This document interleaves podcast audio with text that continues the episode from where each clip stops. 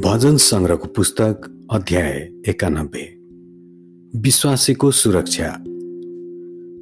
जो परम प्रधानको शरणमा बास गर्दछ त्यो मानिस सर्वशक्तिमानको छत्र छाए मुनि रहन्छ।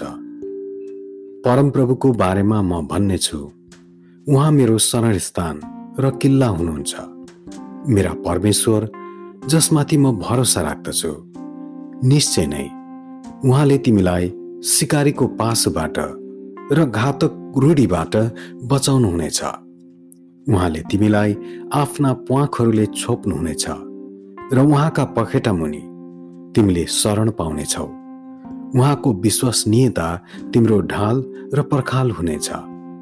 तिमी रातको ठुलो त्रासदेखि र दिनमा उडेर आउने बाँडदेखि डराउने छैनौ। न त अन्धकारमा फैलिने रूढीदेखि न मध्य दिनमा नाश गर्ने महामारीदेखि डराउने छौ एक हजार जना तिम्रो नजिक लोटलान् र तिम्रो दाहिनेतर्फ दस हजार जना तर तिम्रो नजिक त्यो आउने छैन।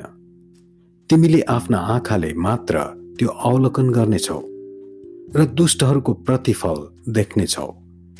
यदि तिमीले सर्वोच्च प्रभुलाई आफ्नो वासस्थान बनायौ भने परमप्रभुलाई जो मेरो शरण स्थान हुनुहुन्छ तिम्रो कुनै अनिष्ट हुने छैन।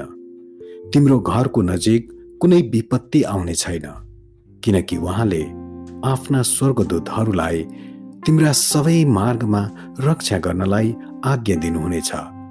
तिनीहरूले तिमीलाई आफ्ना हात हातै थाम्नेछन् नत्र त तिम्रो खुट्टा ढुङ्गामा ठोकिनेछन्।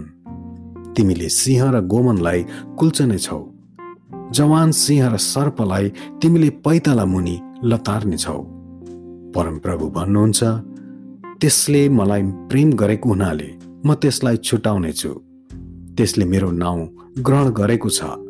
यसकारण म त्यसको रक्षा गर्नेछु। त्यसले मेरो पुकारा गर्नेछ र म त्यसलाई उत्तर दिनेछु। त्यसका दुःखको घडीमा म त्यससँग हुनेछु। म त्यसलाई छुटकारा दिनेछु र आदर गर्नेछु। लामो आयु दिएर म त्यसलाई सन्तुष्ट तुल्याउनेछु र त्यसलाई म उद्धारको दर्शन दिनेछु। आमेन।